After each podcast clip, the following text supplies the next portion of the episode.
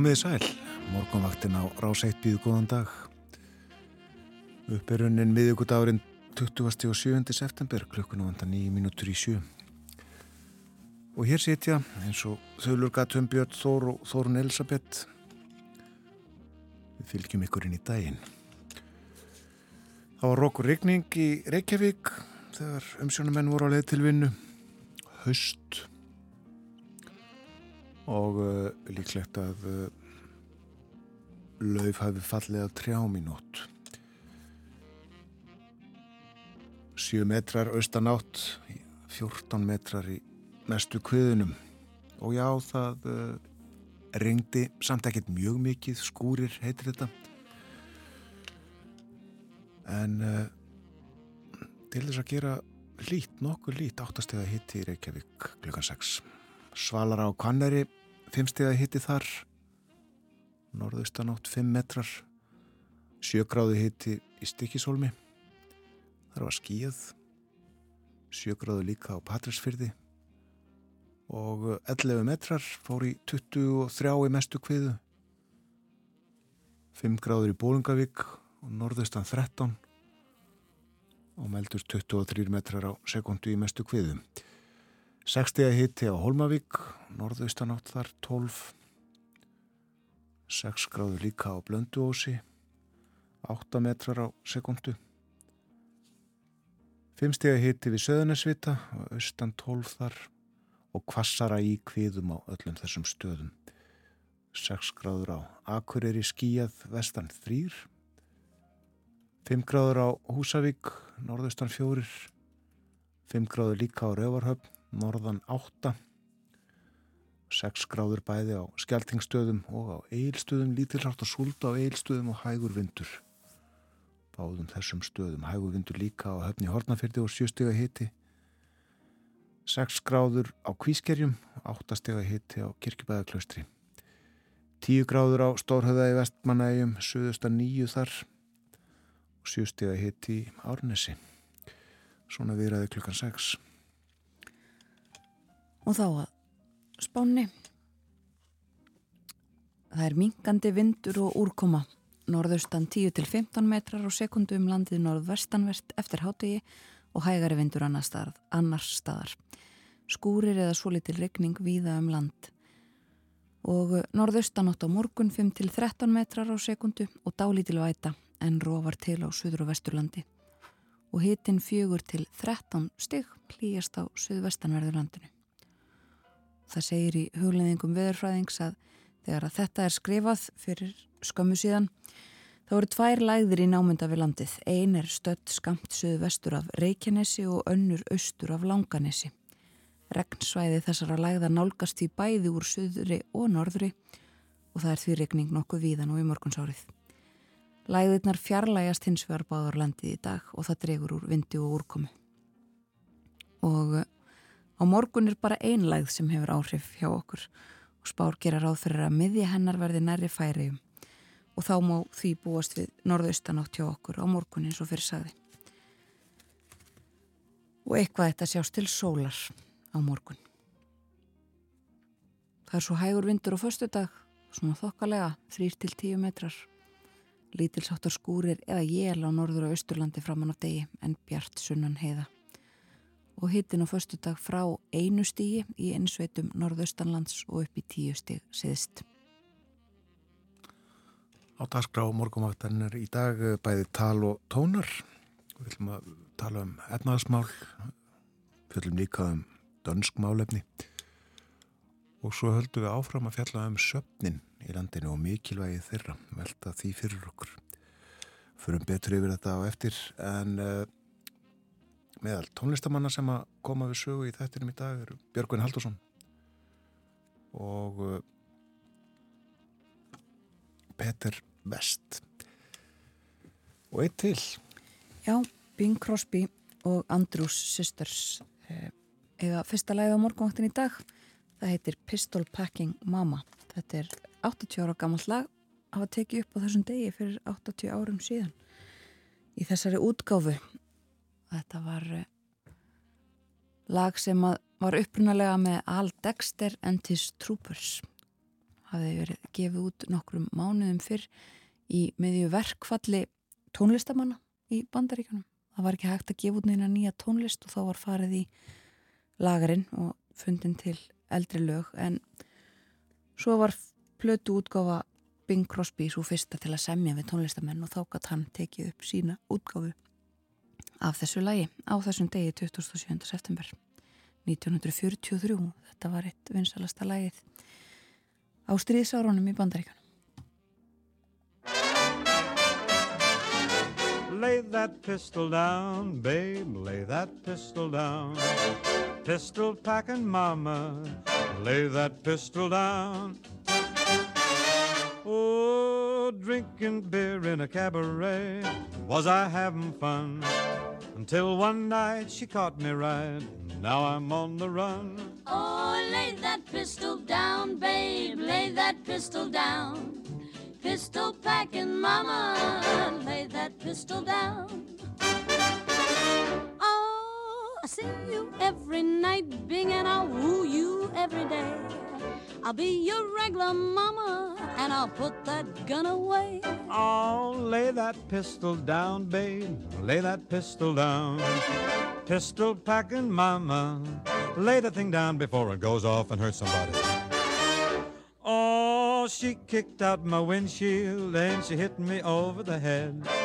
She cussed and cried and said I'd lied and she wished that I was dead. Oh, lay that pistol down, babe, lay that pistol down. Pistol packing mama, lay that pistol down with three tough gals. From deep down Texas way, we got no pals. They don't like the way we play. We're a rough, rootin', tootin', shootin' trio, but you ought to see my sister Cleo. She's a terror, make no error, but there ain't no laissez-faire. Here's what we tell her. Lay that pistol down, babe, lay that pistol down. Pistol backing mama, lay that pistol down.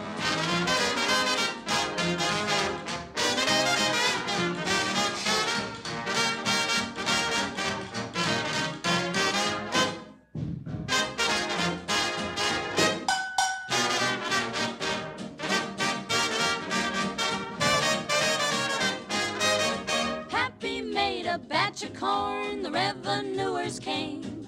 The draw was slow, so now they know you can't do that to Maine. Oh, lay that pistol down, babe, lay that pistol down. Pistol packing mama, Lay that pistol down. Oh, singing songs in a cabaret, was I having fun? Till one night I didn't sing right, now I'm on the run. Oh, lay that pistol down, babe, lay that pistol down. Pistol back packing mama, Lay that pistol down. Oh, pistol packing mama, Lay that pistol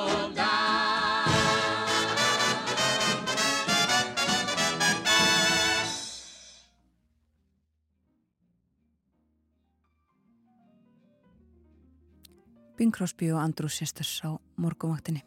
Við leipum fréttastofunni að, það eru fréttir sem eru næstar á dagskrá.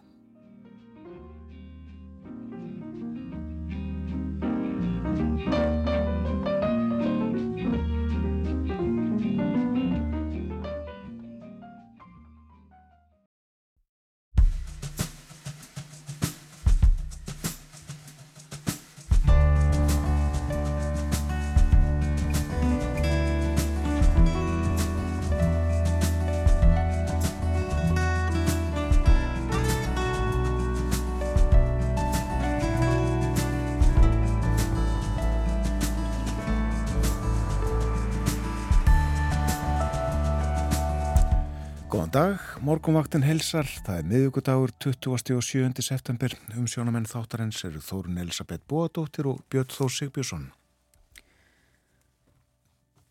Og uh, útlendingum hefur fjölga verulega á íslenskum vinnumarkaði síðustu árin. Í fyrra var einn af hverjum fimm vinnandi einstaklingum innflytjandi.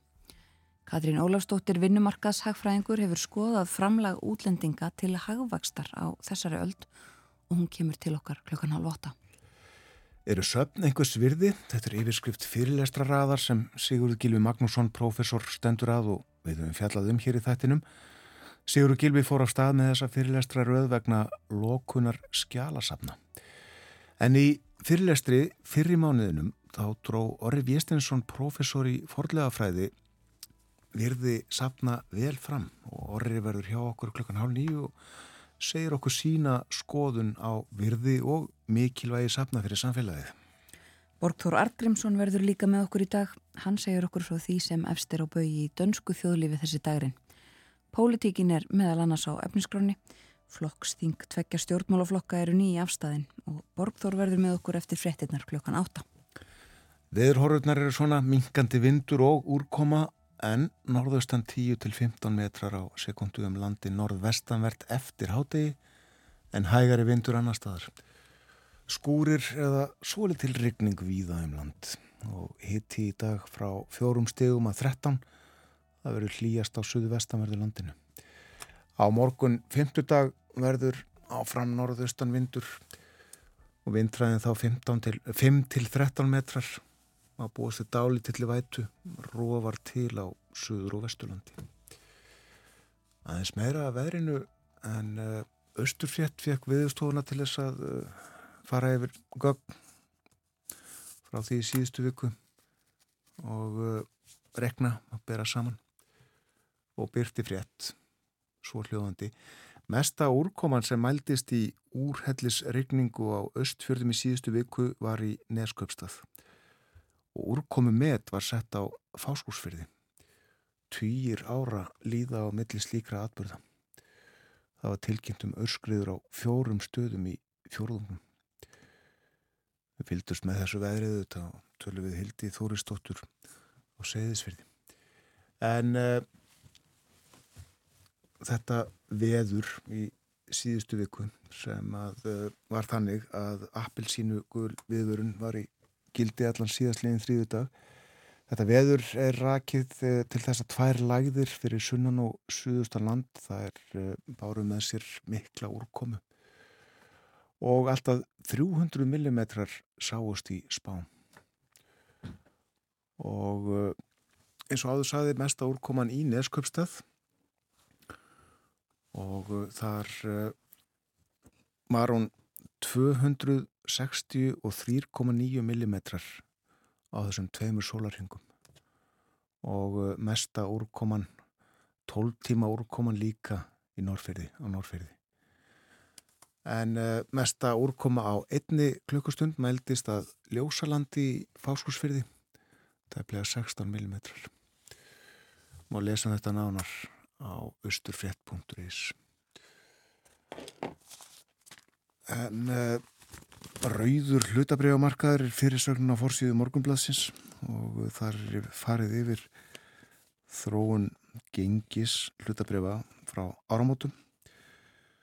Og uh, kemur fram að markas virði skráður af félaga í kaupöldinni það hefur lækkað um tæpa 214 miljardar það sem afverð þessu ári. Og uh, tvö fyrirtæki eiga helming af þeirri lækun, það eru Alvotek og Marel. Virði átján félaga hefur lækkað það sem aðver ári en virði sex félaga hefur hækkað. Og áfram segir aðtekli vekur að markaðsvirði banka og sjáurútursfyrirtækja hefur lækkað töluvert það sem aðver þessu ári. Og markaðsvirði þeirra tvekja sjáurútursfyrirtækja sem skráðir á markað hefur mingað samanlagt um 47 miljardar. Áfram er fjallaðan um þetta á fórsíðu morgunblæðsins og ítalega farið í málið í viðskiptamokkanum. Nú, uh, gegn þessu má segja að uh, mókinn tefli fram annari fréttir neðar á fórsíðunni fall þungi dilka góður í ár og uh, þetta er sambarlegt við frétt í bændablaðinu í síðustu viku.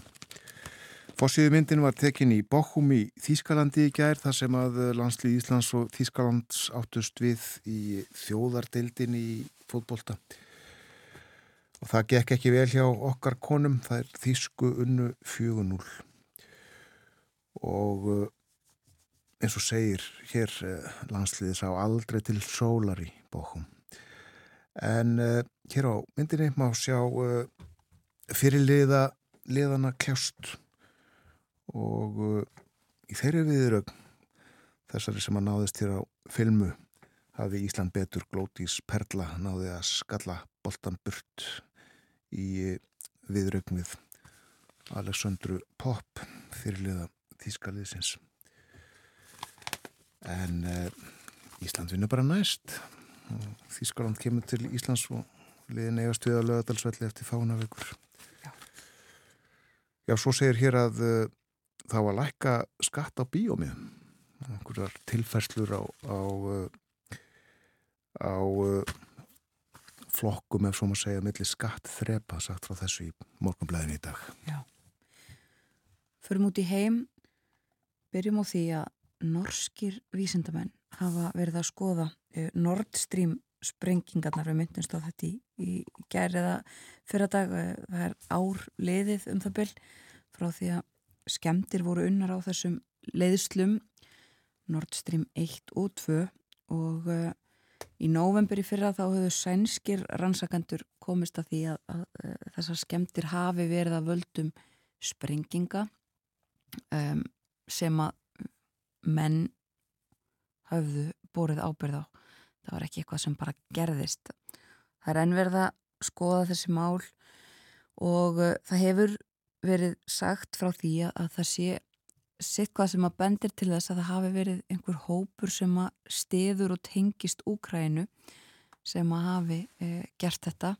Það er ennverða skoða þau mál en uh, nú sem sagt hafa norskir vísindamenn uh, skoðað jarðskjáltamælingar og, og eitthvað fleira slíkt og komist að því að það voru uh, fleiri sprengingar heldur en áður hefur verið sagt frá.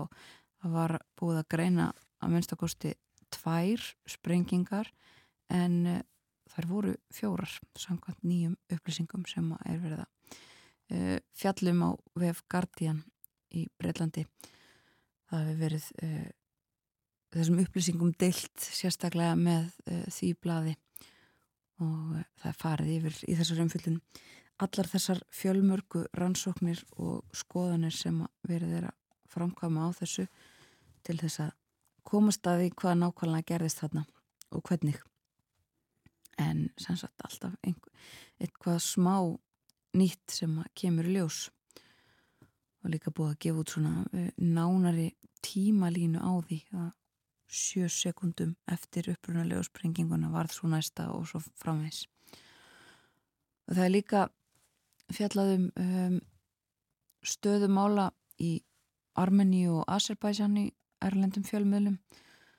Hafði verið greint frá því setnipartin í gær að það hafði 125 látist í sprengingu þar um, í Nagorno-Karabakh um, sem hafa orðið á um, bensinstöð eða oljubyrðarstöð þar sem fólk var að býða eftir að fylla bílana sína eh, til þess að geta flúið. Það hefur fjöldi fólks flúið frá, um, frá þessu svæði og alveg inn í Armeníu. Svo var þetta dreyðið tilbaka, það voru ekki, uh, það er 105 er enn saknað en 68 sem að staðfestir að hafa verið, hafa látist og 300 særðust. En fjórðungur allra þeirra sem að búa á þessu svæði Nagorno-Karabakh sem er þarna á milli eh, landana tveggja er formlega uh, hluti af Azerbaijan en, en uh, þar eru armenar í stærstum, uh, stærstu hluti íbúa. Þeir hafa flúið 30.000 manns, einn fjóruði af öllum sem að þarna búa. Og fólk hrætt við þjóðverðnis hreinsanir hreinlega og uh, það er fjallan þetta í fjölmörgum erlendum fjölmiðlum og líka það að stjórnvöld á vesturlöndum viða séu að uh, endurskoða um, samband sitt við Asera. Það uh, séu bæði stjórnvöld í og margir í, í Brussel og Washington sem eru uh, finnist þeir hafa verið sviknir. Uh, ríkin hafa verið svikin af, af því hvernig valdi var beitt þarna þegar að herin ríðist inn á þetta svæði. Því hafi verið lofað að slíkt er það ekki gert. Og þetta er uh, til umfyllunar í fjölmörgum erlendum fjölmjölum það nefna það að uh, í dönskum fjölmjölum á forsjöðunum er fjallaðum uh, breytingar á þungunarás lögjöf hún er á forsjöðunum bæði á informasjón og politíken þeim blöðum sem við höfum aðgangað hér á mótnana. Og uh, því veldu upp einmitt hvað hva reyga mörkin að liggja. Þetta er uh, mikil og stór umræða í Danmörku og Borgur Artgrímsson ætlar að mynda að segja okkur aðeins frá þessari umræðu þegar hann verður með okkur hér eftir fréttinnar klokkan átta. En önnur frétt á fórsíðun og politíken í Danmörku er um skólakerfið og uh, sagt frá því að í grunnskólum uh, það fari nú fjórða hver króna sem að rennur til þess kerfis um, í sér skóla eða svona sér mentun og þetta uh, hafi mjög slæm áhrif á hefðbundna skólakerfið og hefðbundnu mentunina og þetta sé viðvörun frá uh, sveitafjölugunum og mentamálar á þeirra hafi viðukjent að þarna sé vandamál uh, það sé verða ekki verða að veita nægum peningum til uh, hefðbundna skólakerfisins og því þurfum við að breyta. Í Svíþjóð fjallaðum uh, þessa sprengingu sem að varð í húsi í Linköping. Mynd sem að sínir uh, gríðarlegan uh, kraft í þessari sprengingu og sagt frá því að hlutar uh, húsins sem að uh, sprengingin varði hafi hreinlega bara uh, fallið út eða farið af slíkum krafti að, að það lendi 50 metrum frá á bílastæði. Og uh, þessi sprenging uh, tengd uh, vargöldunni í Svíþjóð. Tala við vittni að henni í sænskum fjölmjölum í dag áður en að við látum þessu lokið um, þá nefnum við aðeins frettir frá bandaríkjunum á Breitlandi Í bandaríkunum er sagt frá því að fórsýðun á New York Times að bandaríkin, 17 eh, ríki hafi eh, farið með eh, ríkinu sjálfu í lögsókn. Það er verið að lögsækja Amazon, risa fyrirtækið og því halda fram að það hefti samkeppni nýti sér einokunar stöðu sína á markaði gegn neytendum. Þetta er tímamóta lögsókn segir í fórsíðu fyrirsögn á New York Times og líka talað um það sem að þær frettir sem að bárust í gær af uh, Donald Trump og einu dómsmálinu gegn honum uh, var dómar í New York ríki sem að komst að þeirri neðstöðu gær að hann hafi uh, sannarlega svikið og, og blegt hann hafi haldið því fram reglubundið að eh, fyrirtækin hans uh, væru meira virði, uh, hans svona samskipta, nei, samsteipa hafi verið meira virði heldur en hún uh, raunverulega var og sínir hans líka hluta þessari lögsókn. Þeir nýttu sér þetta til þess að tryggja sér lán og tryggingar á betra verði og þetta er sérstaklega eitt af fjölmörgum málum gegn Trump í bandarísku dómskerfi. Og að lókum bresku frettinnar eh, við sögum frá því í gæra að vera búist í því að innaríkisráþurann Súela Bravermann myndi eh, halda ræðu þar sem hún myndi gaggrína hardilega eh, stöðu innflytjanda og flótamannamála um heiminn allan. Það gekk eftir, hún held ræðu í Washington í bandaríkunum, hún er þar í heimsókn þessa dagana. Og uh, sagði reynlega að uh, hugmyndinum fjölmenningarlegt Breitland uh, og sá draumur væri úti. Óheft uh, óheftur innflutningur fólks og, og flutningur væri uh, tilvistarleg ókn við Vesturlönd reynlega gaggrindi flótamannasamling saminuðu þjóðuna og uh, bara mannrettinda bæði sáttmálan og, og fleira í Evrópu og uh, svona opnaði á það eins og fleiri, uh, fleiri stjórnmálumenn í hennar flokki hafa gert áður. Og mögulega myndi breytar bara yfirgefa þessar stofnanir. Sagði að það uh, væri ekki hægt að gera neinar endurbætur sem að væru nöðsynlegar það væri búið að lækka þröskuldin fyrir því að fólk teltist flótamenn og Ímislegt fleira sem hún saði eh, og það var flótamannastofnun saminuð þjóðana eh, sendi frá sér yfirleysingu sem er afskaplega eh, óvinnilegt þar sem að eh, hlutar af þessu voru reynlega bara reknir ofan í hana. Hún færi ekki með rétt mál í Ímsu og eh, fjölmargir aðrir sem að talaði við breskum fjölmjölum líka sem að svona hafa alls konar aðtjóðasemtir við það sem hún var að segja meðal annars fólk innan hennar eigin flokks íhaldsflokksins. Þetta uh, sé ekki flokknum til framdráttar en flokkurinn heldur uh, landstingsitt um næstu helgi og einhverju líka sem að tellja þetta sé hennar innlegg í uh, það. Hún vilji og hafa einhverja drauma um að verða leiðtögi flokksins hún sé að líka dreifa aðtiklinni koma aðteklinni af sér og því í hversu slæmum málum bresk stjórnvöld eh, eru með uh, þennan málaflokk.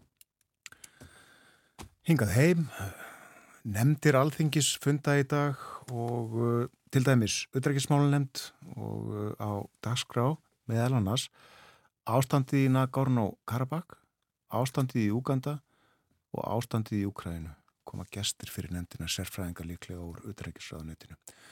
Langar að segja líka frá uh, fundi sem að framfyrir í dag og á morgun á nautóli. Yfirskriftin er eldra fólk og lofslagsmál, báðum til gags og þessi málstofa er á vegum samnefndsverkefnis sem er liður í formensku áhullin Íslands í norrænu ráþrænemndinni. Og um þetta segir verkefni gengur út á að ebla samstarf millir hópa eldra fólks á Norðurlöndunum á sviði umhverfismála og vísar yfirskrift þess annars viðar til þess mikla mannöðs og þeirrar viðtæku þekkingar sem býr í frísku fólki á eftirlunna aldri og hins vegar til þess gags sem að þetta fólk getur gert í baráttunni gegn lofslagsbreytingum í þáu komandi kynsluða. Það má finna upplýsingar um þetta á vef stjórnaráðsins. En uh, nú stendur Evrópsk Íþróttavika og uh, það er dagskrá í sveitafélugunum hringin í kringum landið. Verður líf og fjör til dæmis í Ísafjörðabæ, leikvimi heldri borgara í leikvimisalnum á hlýf á Ísafjörði þegar kluknum vantar stundafjörðung í tíu. Og uh, heldri hristi, opin tími fyrir heldri borgara í stöðinni sem er heilsurakt á Ísafjörði og uh, hálf tvö verður heilsu ganga heldri borgara frá hlýf og uh, Svo verður líka hlaupaæfing setnipartin undir liðsögn Snorra Einarssonar og Ísafyrði og uh, Köruboltaleikir uh, setnipartin líka opin tími, leikir og skottkeppni á Tornesi Ísafyrði og svo opin blagtími í Íþróttahúsinu á Þingari hálf sex og uh, í fjardabíð uh, þar verða opnar fókbóltæfingar fyrir uh, yngstu flokkana klukkan 1, 2 og 3 og klukkan hálf 5 þá hefst sundparti á fáskúsfyrði, tónlist og stuð í sundleginni. Og í tengslum við Evróska Ídróttavíku þá halda hapfyrðingar hamingjudaga og í dag hálf sex hamingju sjóbað við herjólskutt. Og ímisönu sveitafélag sem að taka þátt í þessu, hægt að finna það á uh, vefnum, alls konar upplýsingar, en þessu tengt þá uh, er frétt í nýjasta læknablaðinu um það að um, ég, það megi segja að hennar svo kalluðu sofakarteblur hafi unnið sigur í nýri rannsókn sem að byrtist í sumar.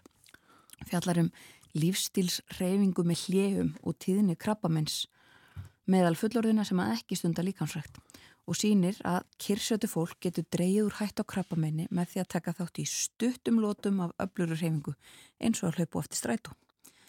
Og það er sérstaklega eh, nægir og hefur mikil áhrif eh, bara að reyfa sér í 3,4 til 3,6 mínútur. Eh, þannig getur mm, áhættan af krabbamenni minkað um 17 til 18%. Og þetta er nánast línulegt samband segir þegar að kemur að krabbamennunum sem að tengjast reyfingu. Þannig að hvert einasta skref skiptir máli. Og ég vil ekki að hlusta á hressandi tónlist. Það er gott að hlusta á hressandi tónlist þegar verður að hreyfa sig. Hlustum á uh, Björgun Haldursson, lægið Heimin og jörð.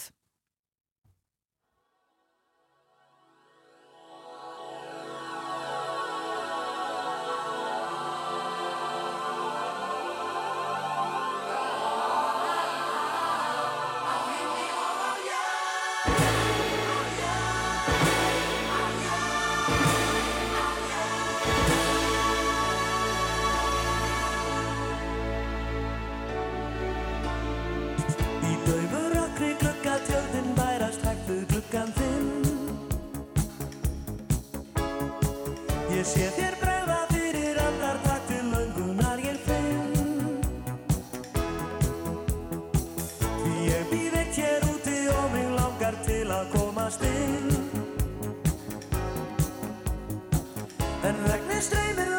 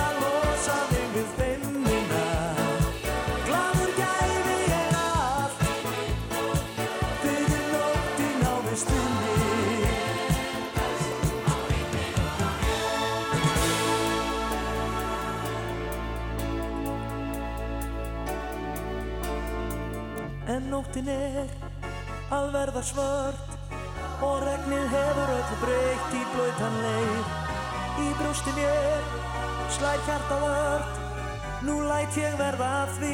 Ég býð en einn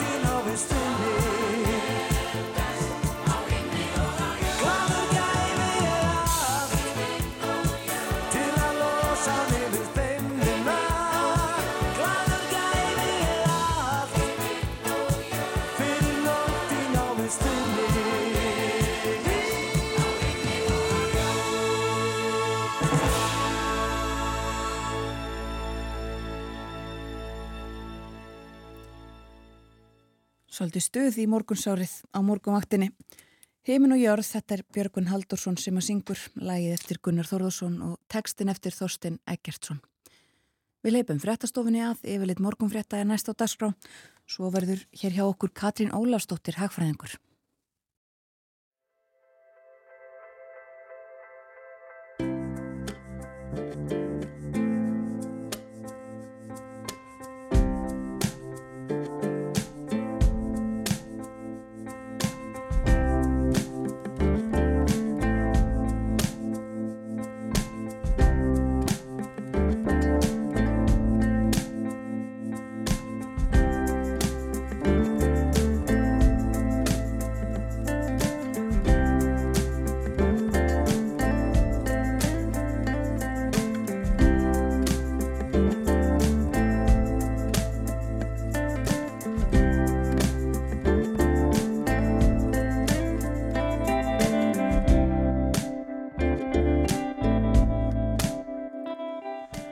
Ný, þið eruð að hlusta á morgun útarpið á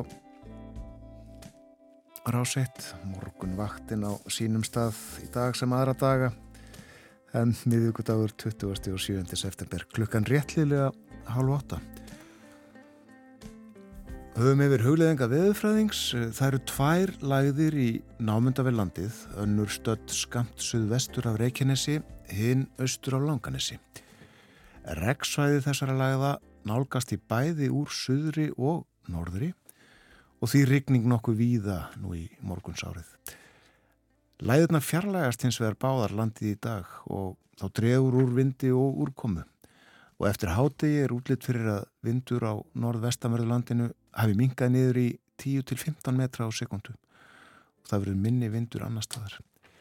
En enn má búast við skúrum eða dálítillir rigningu í flestum landslutum og hiti í dag 5-13 stig það verður hlýjast suðvestan til á landinu. Og á morgun er þá nú bara einlæð sem að hefur áhrif hjá okkur. Spár gera ráð fyrir að miðja hennar verði næri færiðum og má það búast við norðaustanátt hjá okkur vindræðin 5-13 metrar á sekundu að líkindum. Dáli til væta verður norðan og austanlands á morgun en á söður og vesturlandi ætti að rofa til þegar kemur fram á daginn og sjást eitthvað til sólar en hitti á morgun svipaður og í dag 5-13 stíg. Ég minna á að dönsk málefni verða til umfjöllunar hér á morgunvaktinni. Eftir morgun fréttinnar klukkan 8 Borgþór Ólafs Borgþór Argrímsson verður hjá okkur. Og uh, svo ætlum við að tala um söpn og uh, virði, mikilvægi þeirra gera það klukkan hálf nýju gestur Orri Viestensson professor í forlegafræði En nú að öðru. Ekki hefur framhjá, farið fram hjá neinum að útlendingum á íslenskum vinnumarkaði hefur fjölgað mjög á þessari öld. Fjöldi þeirra hefur tífaldast á 20 árum. Því erum að ræða gríðarlega mikla samfélagsbreytingu á stuttum tíma. Svona hefst ný grein eftir Katrínu Ólafsdóttur vinnumarkaðshagfræðing og dósent við Þisketafræði delt Háskólans í Reykjavík í tímaréttinu Vísbendingu. Katrín hefur skoðað Ímislegt og tekið saman tölur um framlag útlendinga til hagvakstar á öldinni og hún er komin hingað á morgunvóttina til að ræða við okkur um þessi mál. Velkomin. Takk fyrir. Eigum við byrjun að hafa nokkur orð um þessa þróun síðustu 20 ára á vinnumarkaði. Uh, hvað er þetta og hvernig þetta hefst og svona aðeins þróunina? Já, sko við þurfum ekkert að fara rosalega langt aftur og þá voru útlendingar kannski svona 2% af, af heldarfjölda hér á landi. Það voru mjög fáir sem kom eitthvað kannski beint til þess að vinna, heldur fólk kannski koma því átti tengsli eða, eða giftist íslendingum eða, eða eitthvað slíkt. E, á þessum tíma var hlutvallega á Norðurlandur munherra, svona 6-8% eða mann rétt. En á örstutum tíma, sem er bara á 20 árum, höfum við farið frá því að vera langt undir þeirra meðaltali yfir það að fara yfir það. Já. Og þetta gerir skrýðarlega hratt hjá okkur. Við erum yfir meðaltali Norðurlandana núna. Ég held því sjálfur klára því að ég sé að segja rétt með það, já. Já.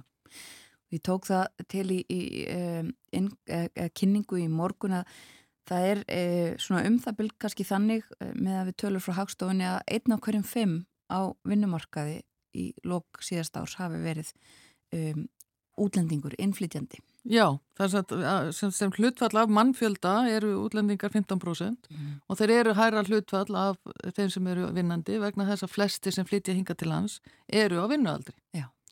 Og þetta hófst uh, þessi þróun svona síðustu 20 ára með uh, Káranhjókavirkjun, eða hvað? Það er svona nokkuð, já, aðeins farið að, aukast fyrir þann tíma en við bara þekkjum, eh, sem, við sem vorum uppið á þessum tíma, að þá þekkjum við þessa þróun sem var þá að það mm. var alveg ljóst að þetta var það stór aðgerð og svo stór, stór framkvæmt að þarna var fluttin mikið að vinnuafli og mikið útlendingar sem unnið þarna og það er eiginlega svona, já, þá tekur þessi þróun svolítið stökk og þessi, þessi þróun hefur haldið áfram síðan.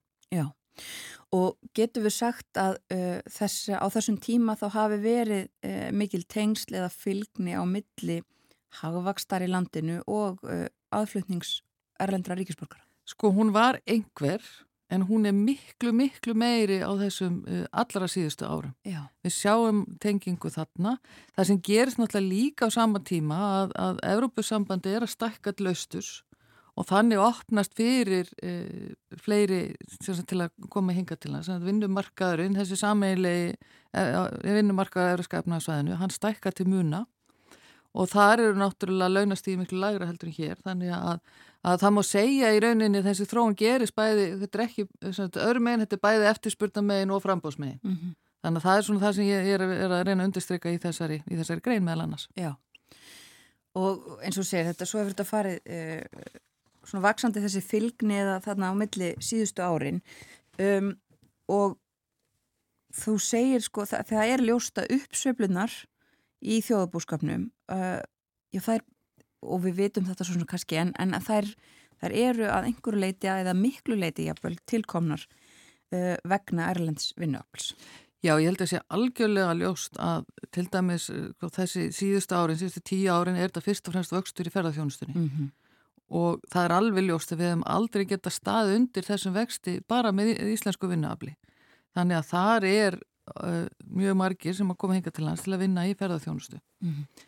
Og sem gerir það að verkum að hagsveiflutnar verða, eða hag, hagvöxturn verður mun meiri heldur en hefði allar orðið. Já. Þannig að við erum í raun að bæta í okkar vinnál með þessu vinnálbi til þess að fá meiri, meiri vöxt og kannski bara í, sinni einföldustu mynd. Já, og sko um, þetta er uh, þetta eru svolítið svakalegar tölur og, og ef við nefnir ferðarþjónustun og við veitum það að þar er og hefur verið mikill vöxtur komið nýjar tölur frá hagstofunni bara fyrir nokkrum dögum um skamtíma hagvísa ferðarþjónustu og samkvæmt þeim þá eru 35.614 manns starfandi í því sem nefnast einkennandi greinarferðarþjónustu uh, í, ég held að það verið í júli eða ágúst og þetta er 9% aukning á milli ára. Það er svakalega miklar breytingar þarna. Já og þetta kemst ekki eins og inn í, inn í greina vegna sem ég hætti 22, 23 Já. er ekkert, er ekkert með þetta. Þannig að þessi vöxtur er bara haldið áfram á þessu ári og náttúrulega fleiri, uh, fleiri ferðamenn að koma hinga til landseldur en nokkru sinna aður held ég á þessu ári. Já. Um, sko, áður en að við kannski förum aðeins víðar, sko, að því þú skoðar það líka bara í þessari grein, sko, hvernig erlendum ríkisborgurum hefur vegnað á vinnumarkaði. Já, já. Það fannst mér vera áhugavert að skoða það, það líka. Eh, Hagstofan eh, gátt eh, hérna, skýslu fyrir nokkrum árum sem að síni það að atvinnu þáttaka þeirra er, er meiri heldur en Íslandinga sem að hluta til skýrist að því að jú, þeir koma hinga til þess að vinna og líka þeir eru flestir á vinnualdri. Eh, en eh, hérna launin þeirra eru heldur lægri en það sem að kannski slær mig og þetta vorum við að horfa á svolítið hérna sérstaklega gegnum COVID hvað atvinnuleysi slutall þeirra er hátt af fjölda atvinnuleysa í heild. Þeir voru hérna svona upp úr 2000 var hlutfall þeirra meðal atvinnuleysa bara svipað og á vinnumarkaði. En það hefur breyst alveg gríðarlega og núna eru uh, er, er, er hlutfallið að þeir eru þetta kannski svona að fara að slaga í 50% af þeim sem eru atvinnulausir eru útlendingar. Það er endur ekki alveg komið 50 en, en komið yfir 40% það er að segja af öllum sem eru atvinnulausir þá eru útlendingar 40% þeirra. Og það er miklu að harra hlutfall heldur þeir eru á vinnumarkaði. Og þetta finnst mér sláandi og rauninni e, get ég lítið sagt um á, ástæðuna fyrir þessu. Já, sem átti að myndi að vera næsta spurningin, hvernig stendur á þessu, vitum við Já. það eitthvað? E, ég, ég veit það ekki, þú veist, maður getur sagt eitthvað er vantala tungumálið en sama, við erum, ekkit, við erum búin að slaka mjög á, á tungumála hérna, e, kröfum í, í vinnu, þannig að það, það ég, nú veit ég ekki. Nei. Og sko, eitt sem ég var slíka aðtilsvert sem þú drefur fram er náttúrulega það að einhverjir sem að uh, koma hingað uh, setjast að og fá íslenska ríkisborgararétt og, og fjöldi fólk sem fengi íslenska ríkisborgararétt á síðustu árum og teljast þá auðvitað eðlilega ekki lengur útlendingar en eru samt á, uh, af Erlendu bergi brotinu og á vinnumarkaði. 13.000 manns hafa fengið Íslands ríkisfang frá árunni 2020. Já, Já. já. En sko, uh, Nei, 2020, þetta ára 2000. Já. Um, en sko Katrín, um, framlag útlendinga til havakstar, það er mikið uh, og, og eins og þú sagðir, við hefðum ekki náð þessum, uh, ég byrða þessum tölum og þessu síðustu árin sérstaklega nema með uh, öllu þessu fólki sem hinga kemur til að vinna. En sko, þú tala líka um það að þetta eru þetta gríðarlega mikil samfélagsbreyting á stuttum tíma. Já, já, já. Og erum við ekki að uh, leiða huganægilega mikið að því? Erum við ekki að uh, hugsa út í það? Ég, ég, ég veit ekki, það eru náttúrulega, þetta, er, þetta reynir á innviðina Mhm. og við sjáum það bara, við erum alltaf að tala um íbúðaverð og allt slíkt, auðvitað þarf þetta fólk að búa eitthvað staðar, þetta eru 20.000 sem að þarna hafa komið til lands, eitthvað staðar þarf að búa, við vitum að í grunnskólum viða eru mjög hátt hlutvall eh, batna í, í bekkjum sem að eru eh, af erlendubergi brotin, þetta er eitthvað sem þarf að huga. Mm -hmm. Eh, þannig að það, það reynir mjög á innvið á mjög mörgum sviðum. Auðvitað heilbriðiskerfi líka, það er bara fleiri sem eru hérna og það er náttúrulega líka með, með, með hérna, ferðarþjónustuna eh, okkar hagvöxtu byggir á ferðarþjónustu en, en erlendir ríkisborg eða bæði þeir sem hafa vinna hérna og komi heimsók þetta fólk veikist líka en það er eins og það hafi lítið verið hugaða því í heilbriðiskerfinu Já. þannig að það, þetta reynir á Já, því auðvitað fyrir utan allt fólki sem að uh, bætist við íbúafjölda landsins þá eru líka á hverjum tímapunkti fjölmargir ferðamenn hérna sem að reyna á innviðina. En sko, og þú nefnir þetta mitt, íbúðaverðið, uh, það eru svona, það eru fleiri hliðar á þessu heldur en bara hagvöxturinn og mann hefur líka fundist svona undarfarið vera svona koma rattirnar fram um það að, að mikill hagvöxtur, þetta sé ekkit endilega bara jákvætt. Nei, nei, hagvöxtur er ekki, það, það, manni finnst stundum í umræðinni að, að bara því meira hagvöxtur því betra, Já. það er bara alls ekki rétt. Nei, Heldur hagvöxtur, hagvöxturinn verður að vera í takt við það sem að innviðinni þóla og við sjáum núna, við erum bara með öll þessi þenslumerki. Við erum með verbulgu, við erum með húsnæðisverð sem fer hækkandi, e, vextinir hafa hækkað, það, það er ekkert verið að hækka vexti bara af því bara, það er af því að það er þensla, það er verbulga uh, og þetta er allt náttúrulega bara tengt hagvextunum, Þa, það er ekki auðvitað eru einhverjir svona erlendir, erlendir áhrif sem koma þarna inn þú veist, við, uh, hluta því að verðbólgan fór að stað var vegna stríðs og, og, og afleðingana af því, en við sjáum núna að, að verðbólgu þýstingur er jafn mikið innanlands eins og utanlands Já. og ég menna krónan er að styrkjast frekar en hitt, þannig að það er ekki að bæti verðbólguna, þannig að verðbólgan er tölvert mikið bara inn, inn, innlend fyrirbæri akkurat núna sem bara bendir til, sínir okkur bara það. Þetta er bara byrtingamind af, af þennslunni. Já, já og, og uh, ríki kringum okkur þar sem að verðbólgan fór líka af staði mitt út af þessum alþjóðlegu uh, atbyrðum, hún hefur víða farið hraðar niður heldur en hér. Já, já, já, Já. En sko, uh, bara stór spurningarskeið, hvað er til ráða? Í þetta, sko, ég, ég hef svo sem engar, engar patentlausnir frekar en uh, hagfræðin hefur yfirlega ekki Það eru Ekki kannski ekki slíkt. til. Það er ekki til, en ég er svona, kannski eitt af því sem ég var að huga að með ég var að skrifa þessa grein er, er ekki að vera með eitthvað træðslu áraður eða hitt heldur bara, við þurfum aðeins að hugsa málið. Við þurfum aðeins að hugsa, víst, hvert ætlum við að fara. En svo segja, hag, meiri hagvöxtur er ekkert alltaf betri. E, ef við erum að fá erlend fólk hinga til hans, við verðum að hugsa um að, að það geti samlegast okkar samfélagi, það er líðið vel. E, ef að það, þetta er hópur, stór hópur með latunlösa, þá er eitthvað sem við þurfum að skoða. Þann, þannig er einhverjar viðverðinu bjöllur sem, sem að ringja. Við þurfum að vita af hverju er þetta. E, við þurfum að átt okkur á því og síðan er þetta bara almennt viljum við fleiri ferðamenninga til lands, bara almennt. En líka hvernig getum við þjónusta þetta fólk. Ef við þurfum alltaf að vera að bæta við erlendu vinnaflið til þjónusta fólkið, hvað er enda það? Það er ekkit sjálfbær þróun. Þannig að við þurfum aðeins að átt okkur á því hvað ætlum við að vera, hver, er, hver, hvert er markmið og, og, og eins og staðan er í dag þá get ég ekki séð að við höfum eitthvað markmið. Það vantar einhverja svona langtíma hugsun og, og, og stefnu í þessu öllu saman. Já og bara hva, hvað er við tilbúin til að gera? Hva, hvað viljum við? Já. Sem samfélag bara, eins og ég segi, þetta er mikla samfélagsbreytingar, eins og ég segi það, það þrýstur inn við það, það er líka jákvæðar, jákvæðar hluti, við erum að læra mikið um aðra, það eru áhugaverði veitingastæði sem hafa opnað og, og þetta fólk kemur ímislegt inn í okkar menningu sem við höfum bara, sem bara frábært. En þetta er, við þurfum að finna, það er jafnvægið þarna sem við þurfum að finna og við þurfum að vita hvar, hvar það er. Mm -hmm. Þannig að ég held að þessi þróun, hún er, leiður okkur ekki á góða staði nema að við hugum að því sem að þarf annarkvæði við ætlum að halda þessu áfram, þá erum við að huga innviðunum eða þá við þurfum aðeins að draga úr til þess að sjá til þess að innviðinir haldi. Já, og eh, annað þessu tenglíka sko er þetta, uh, jú, hafvöxtur hefur aukist en, en uh, við erum ekki að auka sko framleiðinni eða neitt lít þetta sko hækkunin er öll í þessum tölum er það ekki eða meira eða minna rakin til einmitt bara þess að það er fleira fólk. Það er stór hlut af þessu, auðvitað ekkert allt en það sem við þurfum líka að huga að þessi störf, störf sem þarna eru búin til, þetta eru störf í þjónustu, framlegin aukningi þjónustu er aldrei mikil. Þannig að það þýðir það að til þess aftur, til þess að vera sjálfbær að þá má mega launahækkanir ekkert vera mjög miklar vegna þess að þær byggjast á, sjálfbæra launahækkanir byggjast á annars vegar verðbólgu og hins vegar framleginaukningu mm. og þannig að þannig er eitthvað, já og síðan eru þetta almennt lálaunastörf, það er ekkert mörg hálaunastörf þannig í ferðarþjónustun, þau eru þetta til en flest er þetta, þetta lálaunastörf mm -hmm.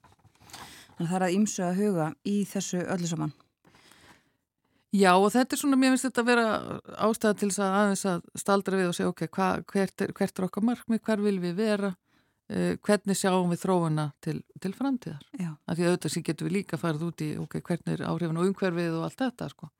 Það er bara önnur, önnur umræða sem að tekinn verður eitthvað annar staðar. Já, uh, en finnst þér... Uh, sko finnst þér þessi umræða einhverstaðar vera eiga sér stað? Að þetta að við þurfum kannski að staldra við og, og hugsa til lengri tíma hvað við ætlum að gera? Uh, manni finnst svolítið stundum uh, það er bara verið að meða við það að þetta sé komið til að vera. Uh, það er uppbygging á keflauguflugulli uppbygging viða til þess að taka við til dæmis öllum þessum fjölda ferðarfólks en verður við vör við það að það sé verið að ræða svona stóru myndina Sko mér finnst vanta svolítið að ræða hlutin í samhengi. Við, sko, umræðan hér snýstum að þessi hái stýrivextir. Hái stýrivextir, þá gleymum við umræðinu verðbólguna. Við þurfum að ræða verðbólguna, við þurfum að ræða þensluna, við þurfum að ræða og emitt þetta, það er verið að stækka á keflaugaflugvelli. E, keflaugaflugvelli er sprungin. Ég, það er ekkert langt síðan ég verðar og stóði langri röð eftir, eftir hérna, örgis hérna, hliðinu. Mm -hmm. En e, það er svona En eins og ég, hvað er, hvað, hvað er að fara stort? Hvað er að fara langt? Eða við bara endalöst að hleypa að ferða fólki hinga til hans. Mm -hmm. e, það getur eðilagt okkar auðlindir e, og þá verður ekkert aftur snúið með það. E, þetta er bara sama umræðan um kvotakerfið sko. Sýnum tíma fórum við inn í kvotakerfið að því að við vissum að fiskunum var að klárast. Þannig að þetta er svona spurning, er ekki, er ekki komið tíma að fara í eitthvað svona umræði varðandi ferðarþjónustuna og við þurfum að sjá til þess að, að við höfum fjármunni til að halda við þessum ferðamannastöðum og, og þessum leiðum. Og þannig að fyrsta leið bara skattlagning á þennan, á þennan uh, þessa atvinnugrein. Ég, ég skil ekki feimina við hana vegna þetta er bara lífsnöðsinn að sjá til þess að við getum haldið, haldið við á, á, á hérna, mannsamandi máta. Já Og þér finnst ekki þá þessar, það voru svona einhverjar breytingar bóðaðar þar að segja, þá er þetta gistin átt að gælda og skemmtiferðarskip og eitthvað svoleiðis en það er ekki nóg að gert. Ég, ég, ég bara aftur vil sjá bara heldarmynd. Mm -hmm. Hvert eru að fara? Hvert eru við að stefna vegna þess að, já, endalösaukning ferðamanna, endalösaukning erlendra aðla til þess að sinna ferðarþjónusinni, svo þróun eitthvað stað rekst hún á vegg. Það, það kemur á rekst á vegg og ég vil bara að við hugum að, að málum áður við, áður við lendum þar. Já, og væri skattlagning eða er skattlagning góð leið til þess að tempra þennan vöxt? Sko það eru marga leiði til en við fyrir bara að velja hvert, hvert við viljum fara sko. Það er mjög einföld leið væri bara að takkmarka hvað mega margir lenda á keflaugur fljóðalli til dæmis, það væri bara ein leið. Já Önnur leið var að skatleika hvern einasta mann sem kemur hér inn.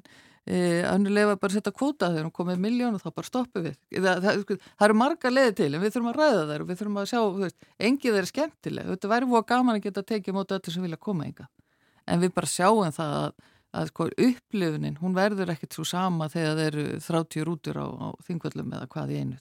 Mm. það er ekkert sama upplifun og, og þegar maður var sem krakki að hlaupa þann um og og njóta þess að vera þarna. Þannig að þetta er, við þurfum aðeins bara að hugsa hvert er við, hvað, er við, hvert ætlum við að fara. Akkurat. Stíga tilbaka og skoða þetta í stóru myndinu og eins og segir eh, eh, huga að þessum málum öllu saman. Kæra þakki fyrir að koma til okkar á morgunvaktina Katrín Ólafsdóttir, vinnumarkas hagfræðingur og dósend við viðskiptifræði deilt Háskólins í Reykjavík. Takk fyrir.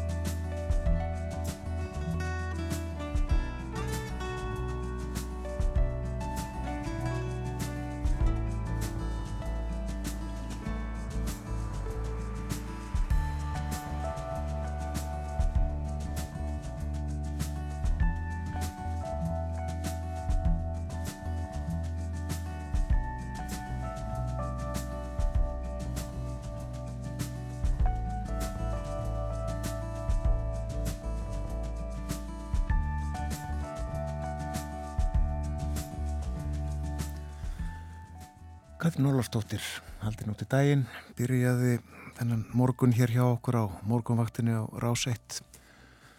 En eftir fréttnar sem að koma eftir rúma 6 mínútur verður Borgþór Argrímsson með okkur. Við ætlum að fjalla um það sem er efst á bögi í dönsku þjóðlífi og það er ímislegt á efniskráni hjá okkur. Stjórnmál til dæmis og uh, umræður í Danmörku um breytingar á lögum um þungunarof, svo ég nefni eitthvað. Og svo verður hér upp úr hálf nýju Ári Viestinsson, professor í forlegafræði við Háskóla Íslands. Við ætlum að tala um uh, virði, gagsemi og mikilvægi sapna.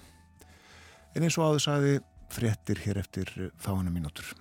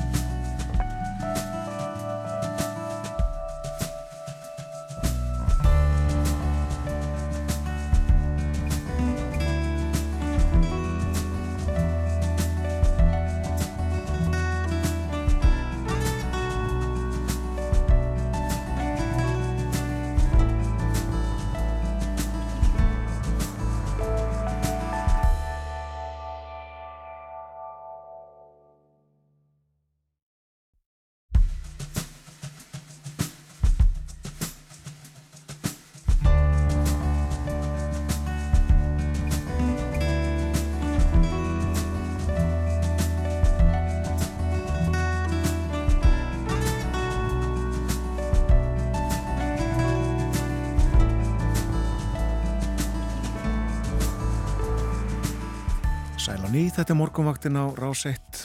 Klukkan farin að ganga nýju, það er miðugudagur í dag, 20. og 7. september. Katrín Ólafstóttir, hagfræðingur var hjá okkur áðan, vinnumarkaðs hagfræðingur. Hún starfa sem dósend við viðskiptafræði deildina í Háskólanum í Reykjavík og uh, við fjöldluðum um uh, þessa miklu samfélagsbreytingu sem hefur orðið hér á Íslandi á stuttum tíma með uh, fjölda útlendinga á vinnumarkaði. Fjöldi þeirra hefur tífaldast á 20 árum með alls konar áhrifum. Svo minnum við á að uh, hér eftir hálf nýju ætlum við að tala um söpn og mikilvægi þeirra. Það er von á Óra Viestinsinni, professor í forlega fræði við Háskóla Íslands til okkar. En næstu mínútur eru dönsk málefni á Dagskrá Borgtór Argrímsson er komið til okkar. Góðan dag og velkomin. Já, góðan dag. Við ætlum að fjalla um ímislegt eins og vanalega. Byrjum á umræðum í Danmörku um breytingar á lögum um þungunarof. Þetta er viðkvæmt mál og uh, sérfræðingar hafa ólíka skoðanir. Já, þetta er auðvitað mjög viðkvæmt mál og, og þess vegna kannski eðlilegt að skoðan séu skiptar. En umræðin er núna sprottin út frá því að vísinda séða nefndin danska. Hún lagði í gær fram tilögum breytingar á lögum um þungunarof. Um, leggur til að þungunarof verði heimil til loka átjándu viku í stað tóltu viku eins og núgildandi lög heimila. Í þessu ráði sýtta 17 manns. Uh, uh, þeir eru valinn af þinginu en mega ekki vera þingmenn og mega ekki vera sýtja í borgarstjórnum meðan einu slíku. Og það voru nú skipta skoðanir, nýju af 17 stuttu breytingar en átta voru á móti og af þessum átta þá vilja fjórir óbreytt ástand, það er að segja til loka 12 viku eins og þetta er núna. En fjórir vildu lengja þetta til loka 15. viku. Nú bara er málið í höndum þingsins og uh, þetta verður tekið upp þar og ég sá viðtal við Hilbriðsráþurann í gær danska sem sagði að, að nú er þið smalað á fund og, og þetta mál er rætt og svo er þið framaldi bara ráðast að því. Já, og lögjöfni missöfnu á Norðurlöndunum sáði fréttunum í gerð saga konu sem fór til Svíþjóðar emitt. Já, já, já, það, þetta, þetta er rýmrað þar sko. Já, en þetta er viðfangsefni stjórnmáluna þá, næstu vikur og mánuði líklega. Já, já, þetta, þetta kemur upp núna. Já. Um, nú svo er nú það að, að um síðastleina helgi þá heldur tveir stjórnmálaflokkar ásting, annars vegar íhaldsflokkurinn og hins vegar sósjaldemokrater. Íhaldsflokkurinn er í mikli lægð, fór mjög ill át úr síðustu kostningum en hafði verið á miklu flugi en ekki alveg nóg lengi því að þetta hrundi allt skömmu fyrir kostningar og Sören Pape Pólsen hann var nú endur kjörin formaður þrátt fyrir að flokkum vegn ekki vel. En það er engin augljós artaki heldur þar. Og hjá sósjaldemokrautum uh, á ársinginu þeirra þá var eitt af stórumálunum voru skattalækanir sem að eru í stjórnansáttmálanum en uh, þetta var harlega gaggrínt á flokkstinginu, mjög mikil umræðan um þetta og uh, talsmenn stjórnarinn að segja að þetta hafi verið kostningaloford en gaggrinendur segja að skattalækkan er alveg fráleitar í ljósi þess að það vanti peninga í heilbriðiskerfið og víðar og svo segja gaggrinendur að, að skattalækkanir það er gagnist helst þeim tekjuháu. Varði uh, Metti Freyriksson fórsættis á þessi áform? Já, já, hún gerði það og um, Hún er held ég tröst í sessi, skoðanakannanir sína nú að flokkurinn hefur tapað fylgi, 150.000 kjósettum með að við síðustu kannanir frá síðustu kostningum og það hlýtur auðvitað að vera ákveði áhyggjöfni þó allir beri sér nú vel. Inn í þetta skoðanakannana fylgistap, ef maður nú nota það orð, mm. spila fleira en þessar skattalækkanir.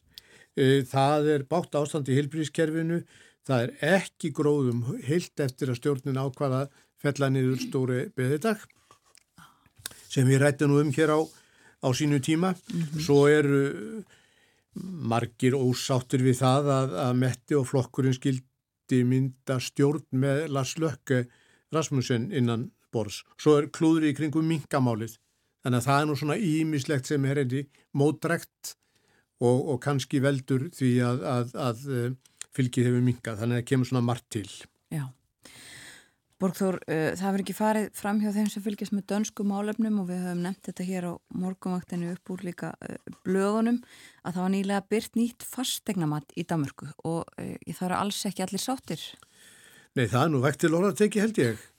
Þetta nýja mat hefur nú verið mörg ári í undirbúningi og, og verið senkað ægi ofan í æg og núna þegar það var svo loksins byrt þá er þar margt enkenlegt og óskiljanlegt. Í borgonum, svona í hildina, virðist mati vera í sæmilegu lægi en annað er uppi á teiningnum á uh, landsbyggðinni. Víða hefur mati tvöfaldast eða bara þaðan af meira. Hvað veldur?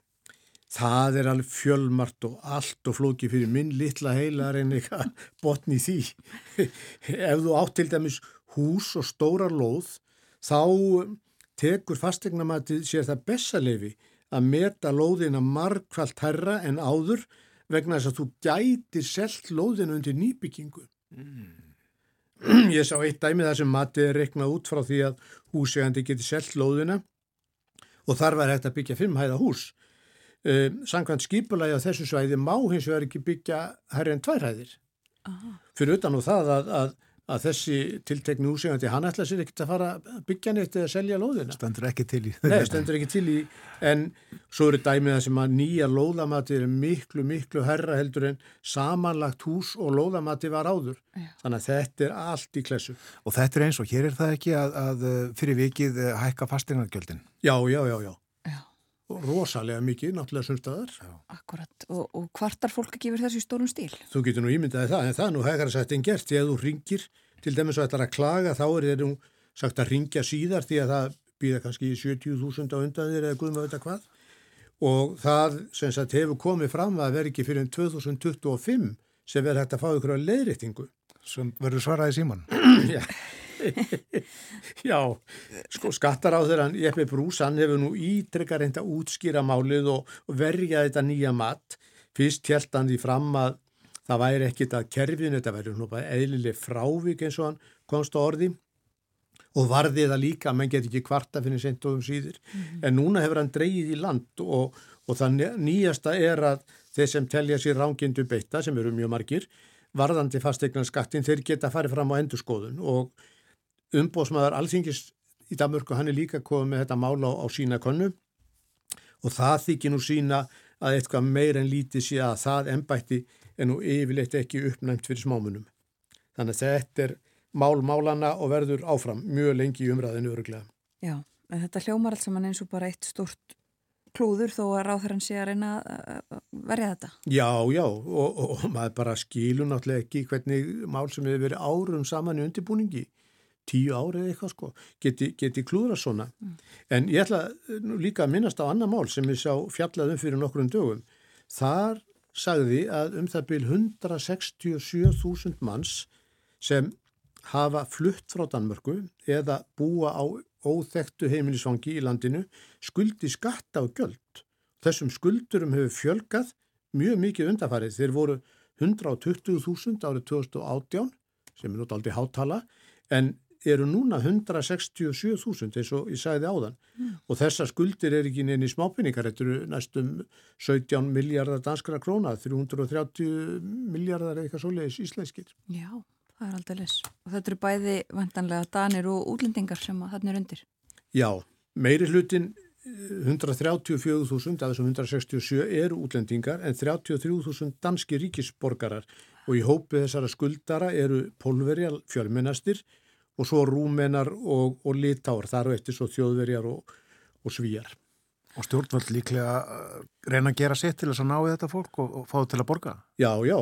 Innheimtustofnun skattaráðuneytisins, Geldstjúrelsin eins og það heitir, hún náttúrulega gerir hvað hún getur til að ná í skotti á skuldurunum. Í fyrra tósta innheimta 400 miljónir danskra króna frá skuldurum sem búsettir utan Danmerkur. Já. En hvernig virkar þetta? Uh, Við hér þekkjum það að uh, skatturinn er bara dregin á okkur, uh, við sem að, erum annað bara launþegar. Er, er, er þetta slíkar skuldir, skattaskuldir eða hvað?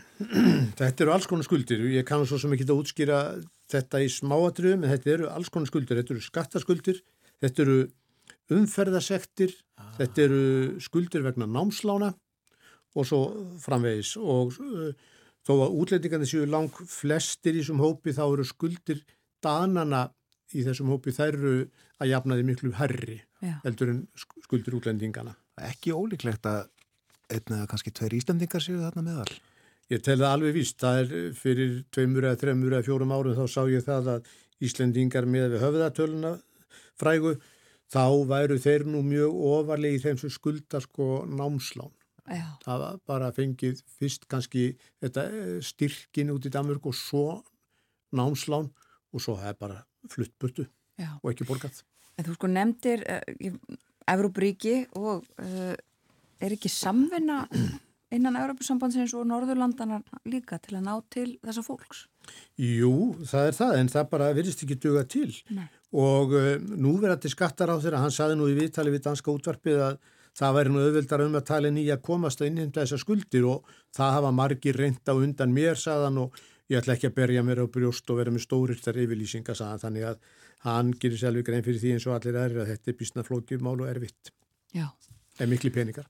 Já, miklu peningar undir. Uh, ætlum að ræðum annað, uh, matvöruverslanir, það eru nú oft til umræðu, það, er, það eru svona grunn þjónusta fyrir okkur. Um, og þó að Danmörk sé miklu fjölmennara landheldur en Ísland þá eru erfileikar við að reyka verslanir í dreifbíli, já kannski svipaðar og, og hér á Íslandi. Já, það er alveg rétt. Og um, litlar vestlanir í dönskum smábæjum sem eru mjög margir smábæjir, þær geta einfallega ekki keft við stóru að eh, sem, sem, sem hafi ekki áhuga á því að þjónusta svona lítil og fámenn svæði. og íbúum smábæja við um landtíki náttúrulega erfitt að sjá á bak eh, vestlunum og á síðustu sjö árum þá hafa íbúar í rúmlega hundrað smábæjum lagt sitt að mörgum til að tryggja að kaupmaðurinn í þorpinu geti starfað áfram. Ég sá frá, fyrir skömmu sagt frá vestlun í Veflingi á Norðu fjóni þar sem íbúarnir sem eru innan við 900 það var tekið höndum saman. Þeir var styrt vestlunna með ymsum hætti þeir var tekið að sér að, að mála uh, búðina þegar það hefur þurft og, og gera við kæ- kæliborð og annað slíkt þegar, þegar slíkt hefur bilað. Þeir var lagt til uh, peninga til endurbóta og, og jafnvel í reksturinn sjálfan.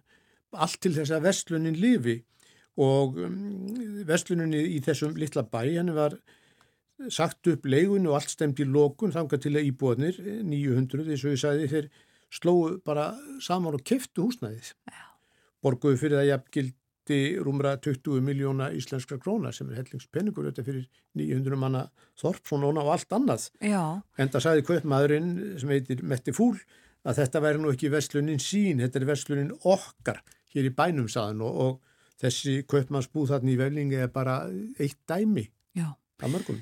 Eins og þú sagðir erfitt að keppa við stóru verslanakeðjurnar uh, og þó íbúar tæki höndum saman, kannski dugir það ekki alveg til. Uh, eru þessir smákaupmenn ekkit að vinna saman til dæmis að svona, kaupa inn saman eða flytja vörurnar saman? Jú, jú, jú, þeir, þeir eru það. Þeir eru svona með einhvers konar hatt yfir þessu og, uh, og um, undir fyrirtæk sem heitir Dagrófa og það er nú daldi flutta vöru frá því fyrirtæki hinga í sánsegist í gær í búð uh, vöru frá þessu Dagrófa.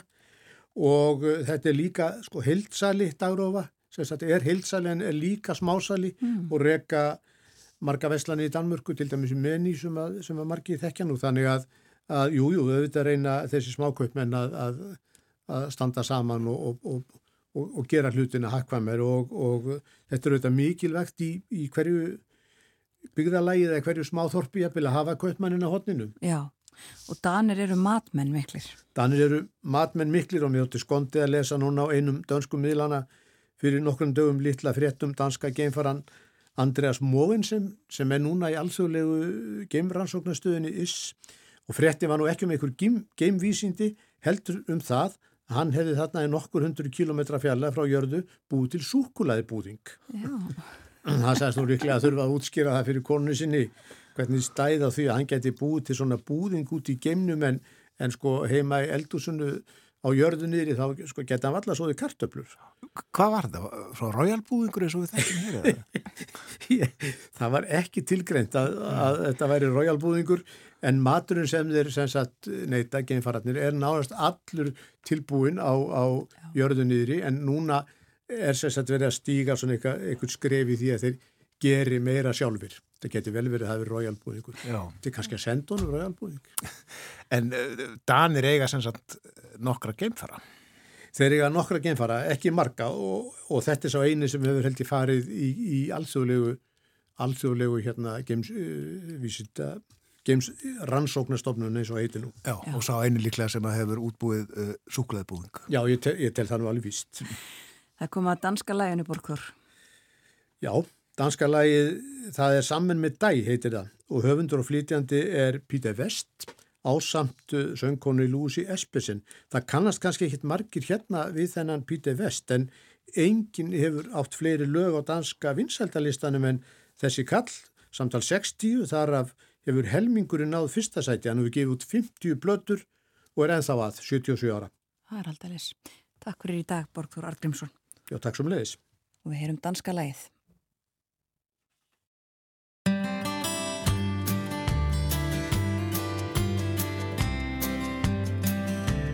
Uden dig, der bliver nætterne for kolde. Uden dig, går jeg langsomt helt i stå.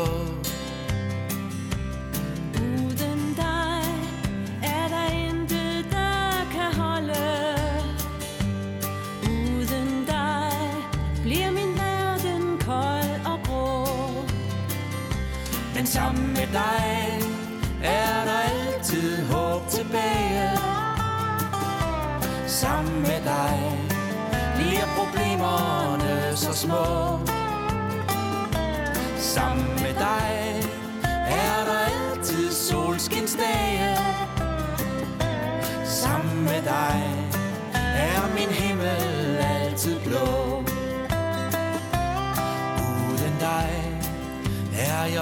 ofte trist og bange Og går rundt helt ved siden af mig selv Uden dig føles dagene for lange. Det er så svært at slå tiden helt ihjel. Men sammen med dig er der altid håb tilbage Sammen med dig. Bliver problemerne så små? Sammen med dig er der altid solskinsdage Sammen med dig er min himmel altid blå.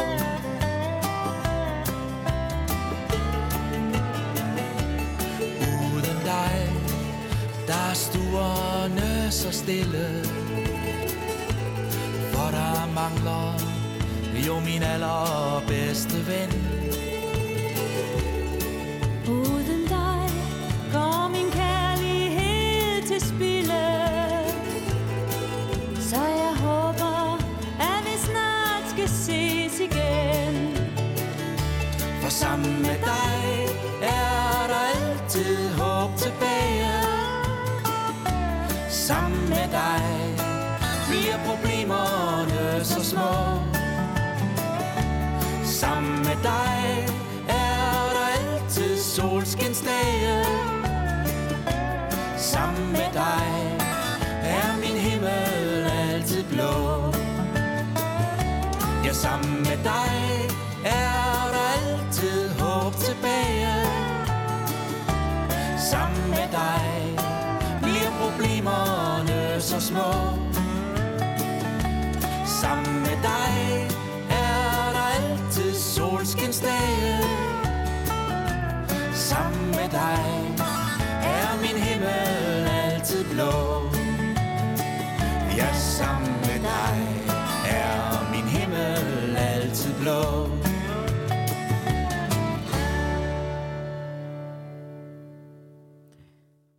Peter West, uh, danska lag dagsins. Með þér er heiminin minn alltaf heiður og sungið þarna og sólinn skín alltaf. Falleg þeirra. Við fyrum að leipa fréttastofunni að yfirleitt morgun frétta næst á dagskráni og í síðasta hluta morgunvaktarinnar í dag ætlum við að ræða við Orra Viestinsson, professor í fordleifafræði. Við ætlum að ræða um verði sapna.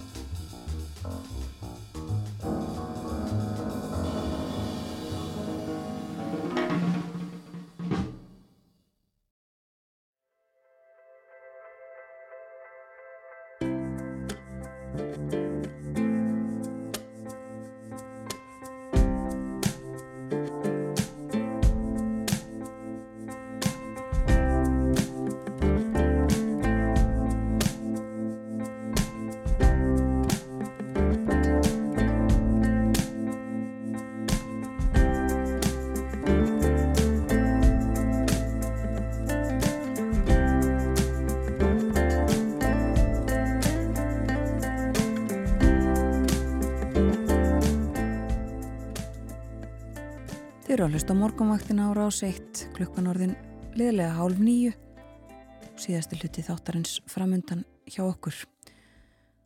Lítum aðeins til veðurs. Það eru tvær lægðir í námynda við landið. Ein er stödd skamt suðvestur af Reykjanesi, önnur austur af Langanesi og regsvæði þessara lægða nálgast því bæði úr suðri og norðri og það er rigning víða í morgunsárið. En þessar lægðir fjarlægast báðar landið í dag og það dregur úr vindi og úrkomu. Verður þó 10-15 metrar á sekundu um landið norðvestanvert eftir hátegi. Hægari vindur annar staðar. Og hitin 5-13 stig í dag hlýjast suðvestan til á landinu. Svo segir í hugleðingum veðurfræðings á morgun er bara einlægð sem hefur áhrif hjá okkur og spár gera ráð fyrir að miðja hennarverðinar í færium þá má búast við norðaustanátt hjá okkur á beilinu 5-13 metrar á sekundu. Og það verður dálítil væta norðan og austanlands á morgunin á suður og vesturlandi ætti að rofa til þegar það kemur fram á daginn og eitthvað að sjást til sólar. Og hitin sveipaður á morgun. Áfram svo ágetis hiti um helgina sínust okkur. Alltaf 13 stöði hiti á lögadag á vesturlandi 11 stöða hitti á sunnudag en eh, regning með köplum víða. Og áfram fremur myllt veður þegar næsta vika hefst. Þá verður komin oktober. Við höfum rætt um dönsk málefni og efnahagsmál útlendinga á íslenskum vinnumarkaði. Nú ætlum við að ræða annað. Já, söpn. Eru söpn einhvers virði? Þetta er yfirskrift fyrirlestra raðar sem Sigurður Gilvi Magnússon, professor, stendur að og við höfum fjallað um í þættinum. Sigurður Gilvi fór á stað með þessa fyrirlestra röð vegna lokunar skjálasafna, borgarskjálasafsins í, í Reykjavík líklega fyrst og fremst.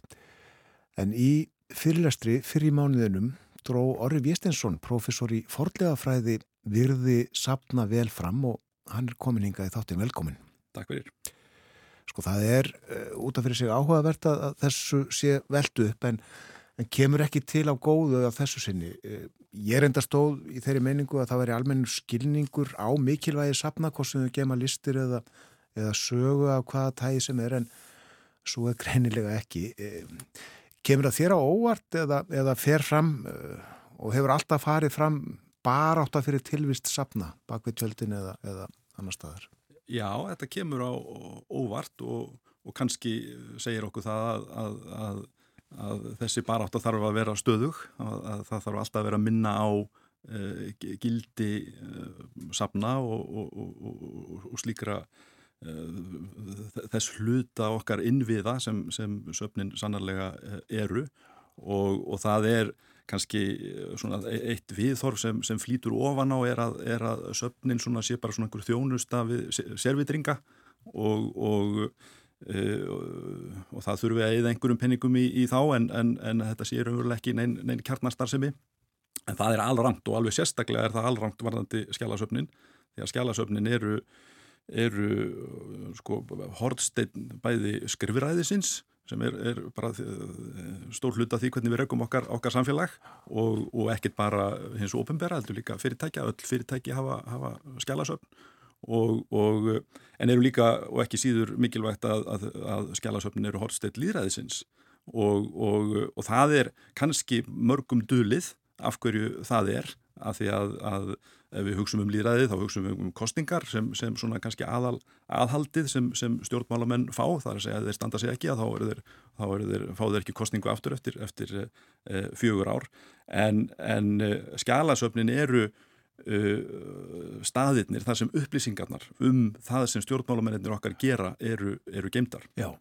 og það fælst í því alveg gríðalegt aðhald að, að stjórnmálamenn í líðræðissamfélagi að þeir, þeir vita að allt sem þeir gera er skráð og vita og þekkt og einhverstaðar gengt og, og, og bara þessi uh, vitund um, um þetta er, hef, hefur mjög jákvæð áhrif getum við sagt á, á, á það hvernig þeir, þeir, þeir hæða sér og, og auðvitað mikið, við þekkjum það bara í dagleiri umræðu um, um, um pólitík að, að, að það, er, það er stöðugt verið að standa stjórnmálamenn að því að, að vera að gera eitthvað sem hérna, þeir vilja kannski ekkit endilega að líti dagsins, dagsins ljós. Þannig að þetta aðhald er alveg gríðarlega mikilvægt. Og, og, og það má segja að við þekkjum í, í gerðaði þessi ríkjum að þá, þá nota innvaldar skjálasöfn gegn fólkinu sem, sem tæki til þess að kúa.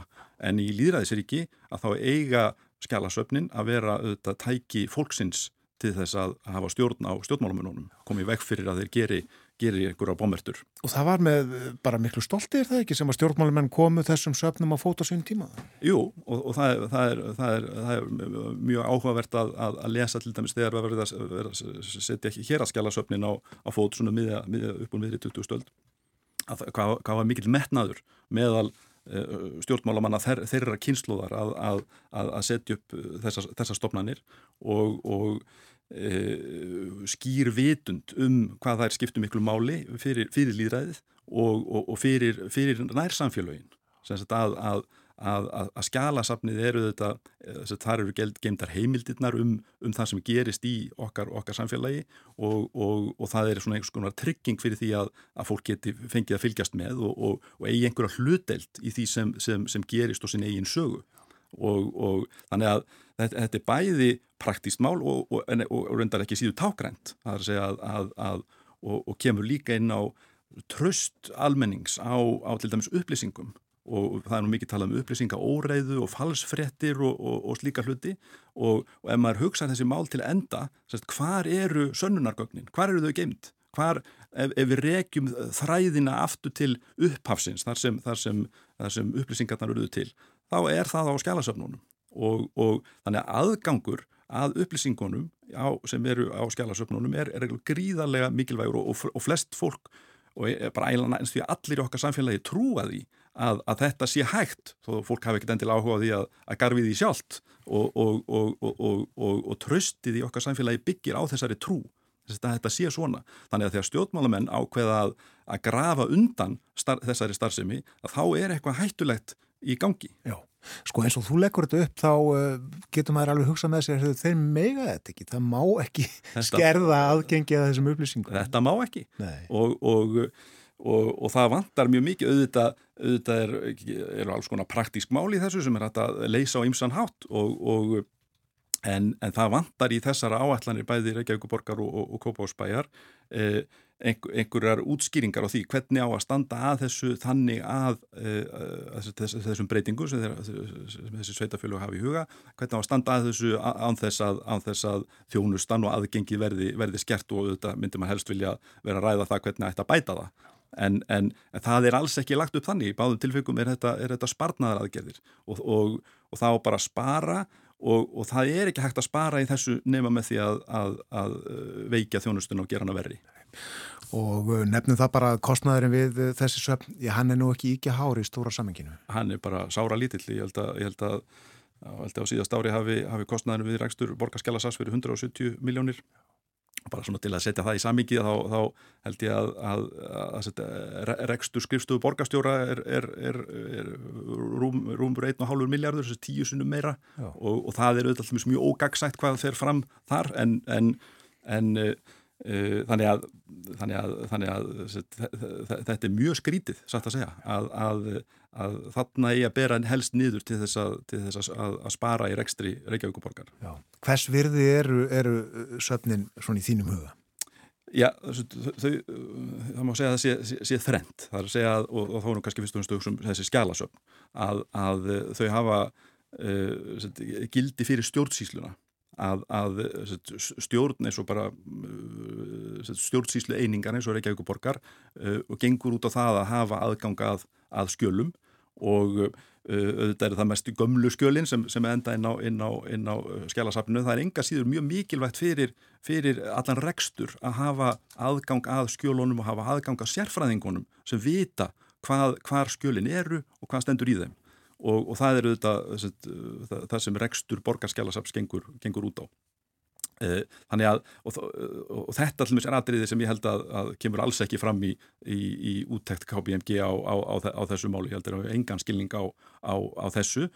Uh, uh, síðan er það líðræðis hlutverkið, að, að, að það sé gulltrygt að almenningur hafi greiðan aðganga því sem stjórnvöld er að gera og, og upplýsingum um, um, um það. Og síðan er það menningarhlutverkið. Það er að segja að, að, að þetta eru menningarstofnanir sem, sem, sem geima upplýsingar um, um okkar sögu og, og, og þar fara fram rannsóknir á, á, á, á henni og, og það skiptir líka bara greiðarlega miklu máli fyrir samfélag, ef við erum að, ef við erum að hugsa um Reykjavíkuborg sem, sem samfélag reykvíkinga, að, að reykvíkingar hafi einhvern stað þar sem, þar sem þeir hafa aðgangað að upplýsingum um sína sögu, sérfræðingum um, um, um það. Við erum bæðið að tala um borgarskjálasafnið en líka söfn almennt og þá eru þetta stórhuga þjóð sem að reisti safnahúsi við hverfisgötu á sínum tíma þjóðmínasafnið við suðugötuna. Já, þetta eru, þetta eru tákn sjálfstæðisins, þessi, þessi, þessi, þessi, þessi söfn og, og, og sjálfsmyndarinnar, hver erum við? Og, og þannig, að, þannig að þegar stjórnmálumenn fara að fykta í þessu og grafundan þá, þá, þá, þá fer um mann að, að Að, að það vilist ekki vera skilningur á, á því hvaða gildi þessar, þessar stopnarnir hafa sem satt að segja eins og vorum að tala um kostan úr sára lítið. Já og uh, hugurinn strax orðin annar má segja uh, sem við sáum svo þegar sko við lítum til þjóðarbókluðunar og allra þeirra ára og ára tuga sem tók að reysa hana. Já, já, já, það er, það er já og, og, og reyndar getur maður satt það saman bara eins og með, með, með landsbítalan að, að, að það viltist einhvern veginn verið auðveldar að hann um 1930 hérna. En óttastu þetta að, að sko þetta sé einhvern veginn svona fyrstu leikirnir í einhverjum einhverjum, einhverjum atbyrðar á sem að er bara að hefjast og, og það muni molna en frekar undan þessu? Já, ég, ég, ég vona náttúrulega ekki en, en ég, ég held að það þurfi að það þurfi að opna þetta samtal um, um þetta og, og, og vonandi er bara hægt að áttar fólk sig á, á þessu að, að, að, að það er ekkert, þetta er ekki hægt og, og er bara vittleisa að gera þetta með stjórnmálum, þessi stjórnmálum sem að þessu standa er að senda raung skilabóð og held ég skilabóð sem þeir vilja ekkert senda um sig.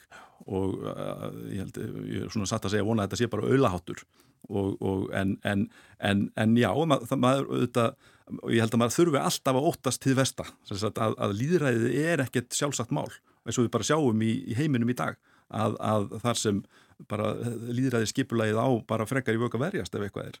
Og, og e, þannig að við þurfum að standa vörð um þau gildi sem, sem það byggir á og, og, og þurfum að muna hvað, hvaða er sem, sem, sem heldur þessu, þessu uppi.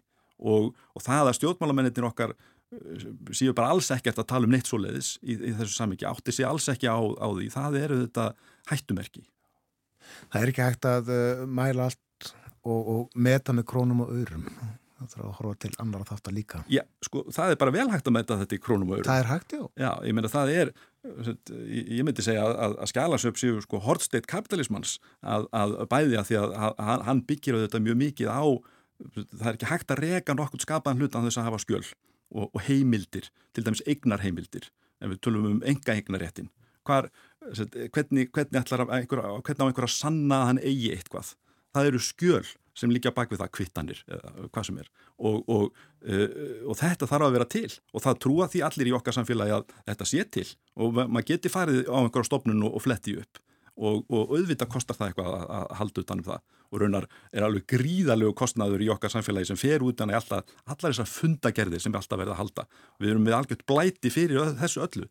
Að, að, að skrifa niður það sem gerist, hafa heimildir, sönnunargögn, fyrir, fyrir öll, öllu, öllu sem er. Þetta er einkenni á okkar samfélagi og, og líðræðis samfélagi og kapitalismannum og, og e, það myndi allt saman hrinja ef, ef þetta, þessi, þessar grunnstóðir væri ekki í, í, í lagi. Nú sveldist einhverjum á kaffesopanum sínum held ég alveg öruglega við að heyra þetta. Það er ágætt samantækt hér í, í lokinu á þessu. Þakkaði fyrir að vera með okkur hér á morgunvaktin Óri. Takk fyrir. Óri Viestinsson.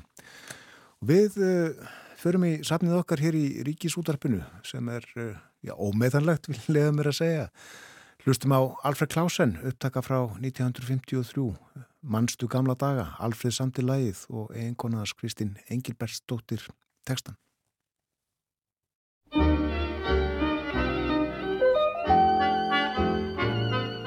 Manstu gamla daga, mörg þá gerði saga, er við í leikjum undum vina mín. Manstu sumar kvöldin, á æskan hafði völdin, uns glöð við heldum hvert eitt heim til sín. Svo kom haust með lokkvært rökkur, þá var safna saman, og við lékum fallið spítan, þá var glens og gaman, og margt sé á að minnast, þá mun nokkur finnast, bensku draumar mísjamt hafa ráð.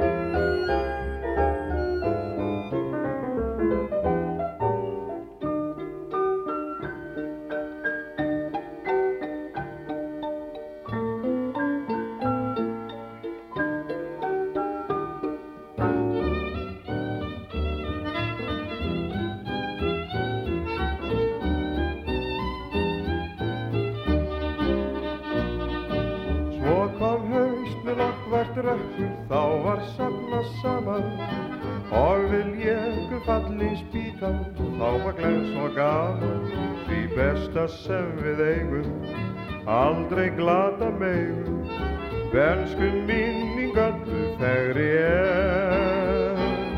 Á æsku stöðvar okkar hverju ber, á æsku stöðvar okkar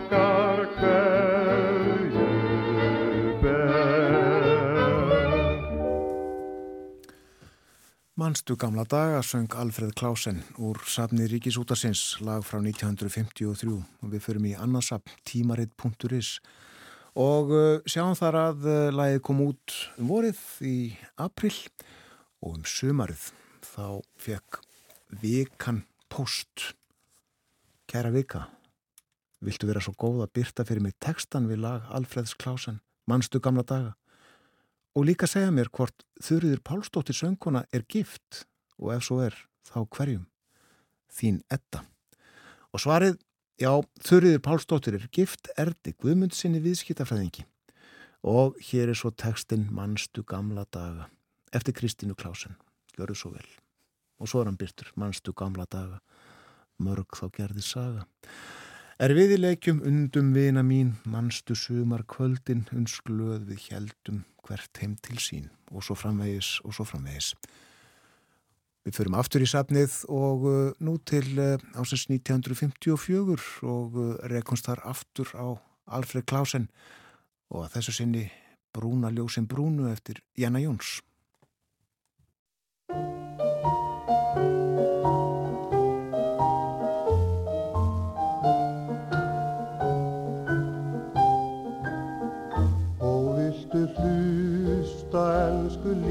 Ljúan mín. Ljóð ég hveða vílum þér Því mildu brúna ljósin brúnu þín. Blíð og fögur heitla mig Hugfangin hlýða sætt ég vil á söngin þinn Syngdu þitt fagra ljúa lag Þar sem að alla tíð ég unað finn Í ástar þinnar töfra brað Bjartar vonir þínar vaka og þrá um vorsins fagru draumalög. Og við sem þú gafst hjarta þitt og fram elsku litla ljúan mín. Ljóð ég hveða vilum þig því mildu brúna ljósin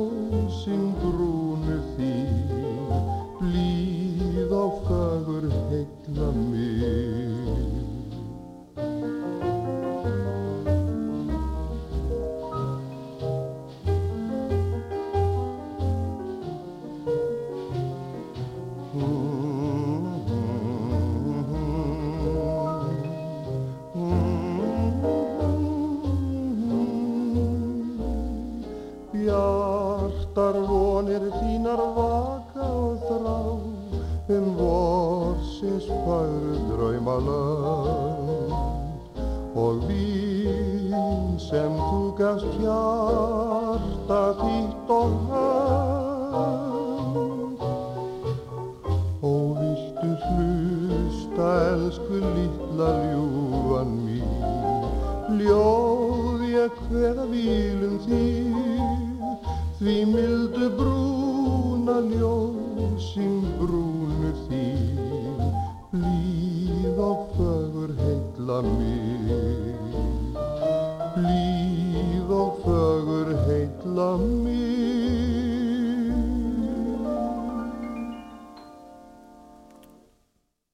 Alfred Klausen og Brúna ljósin Brúnu annar lagið sem við heyrum með honum. Áðan var það mannstu gamla daga og við þökkum fyrir safnið safn útvarsins sem að geymir þessa tónlist. Sannlega. Og við leikum þessi tvö lög í kjálfar spjallsokkar einmitt um söfnin Virði Safna, Orri Viestinsson, professor í forðljóðafræði, var gestur okkar og rætti þessi mál. Fyrir morgun rættum við dönsk málefni og uh, enn fyrr um efnahagsmálin um, um útlendinga og íslenskum vinnumarkaði og stöðu þeirra. Þeir eru frekar atvinnulausir heldur en Íslandingar tæplega helmingur þeirra sem ekki hafa vinnu en vilja að vinna eru útlendingar, sagði Katrín Ólafsdóttir vinnumarkaðshagfræðingur okkur meðal annars. Og það eru mikil fylgni á milli uppsveiflu í íslensku efnahagslífi og innflutnings erlendra ríkisborgar gætum ekki gert þetta á þeirra. En einn frétt sem vakti aðtegla okkar í morgun við ræðum reglulega og höfum gert undanfarið ekki síst í tengslum við innrás rúsa í Úkrænu sem að Katrín kom nú líka inn á og hefur valdið búsifjum viða lífskjara krísu og erfitt efnagsástand viða og ekki síst í Breitlandi þar er þetta lífskjara krísa talað nefnt svo. Og það er forsjöfrétt á Times í dag sem að bendir til þess eða segir frá því að brettar uh, séu hættir að fara í bath í miklu mæli. Hvað segir? Farið fyrir ykkar í sturtu. Það spari bæði vatn og orgu mm. og uh, það er þannig að uh, það eru sölutölur frá stórum sápuframleðendum sem að benda til þess að sagt, þessi fækkun hafi orðið í baðferðum og að það sem minni sápa nótuð. Brettar eru hættir að kaupa sápu í, í svona dungum, farnir að nota gömlu sápustykkin frekar, þau eru ódýrari og endast lengur og það er ódýrar að fara í sturtu ef að sturtan er innan við tímindur, segir hér. Baðkari tekur 80 lítra að meðaltali en fjóra mínúna sturta notar 40 lítra. Það er sérstaklega ítarleg frétt um þessi mál allsumul og líka uh, hefur sala á, á spritti og uh, svona handsápu mingað, en það getur nú líka tengst í að það er ekki lengur svona eins mikil umræðum kórnuverufaraldur og veikindi. Með þessum frálegsmóla ljúkum við morgunvættin í dag. Þakkum samfélgina frá því snemma í morgun þátturinn verður á sínum staði fyrramáli þá verður komin 50 dagur Múnum að þið njóti dagsins í dag Verðið sæl.